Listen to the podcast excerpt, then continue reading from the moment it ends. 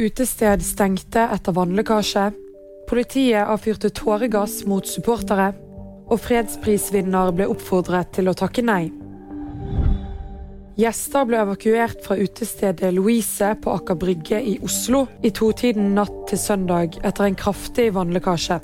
Gjestene fikk ikke tid til å hente jakker eller eiendeler, og måtte stå ute i ti minusgrader. Dette førte til kaos og til tider amper stemning, forteller bargjester som VG har snakket med. Brannvesenet forklarer at det er en del av sprinkleranlegget i underetasjen på utestedet som har røket og forårsaket lekkasjen.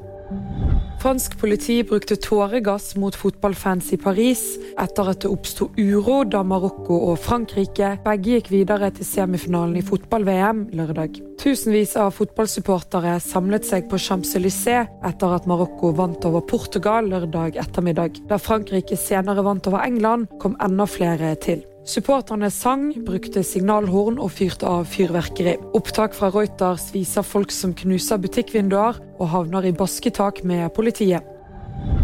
Lederen av den fredsprisvinnende organisasjonen Memorial, Jan Raczynski, sier at myndighetene i Russland ba ham takke nei til prisen. Grunnen var at de anså det som upassende å ta imot prisen sammen med de to andre vinnerne, den ukrainske organisasjonen Senteret for borgerrettigheter og den belarusiske aktivisten Ales Bjaljatskij. I et intervju med BBC sier Raczynski at organisasjonen hans naturlig nok ikke fulgte rådet. Og VG-nyheter fikk du av Hanne Sofie Andresen.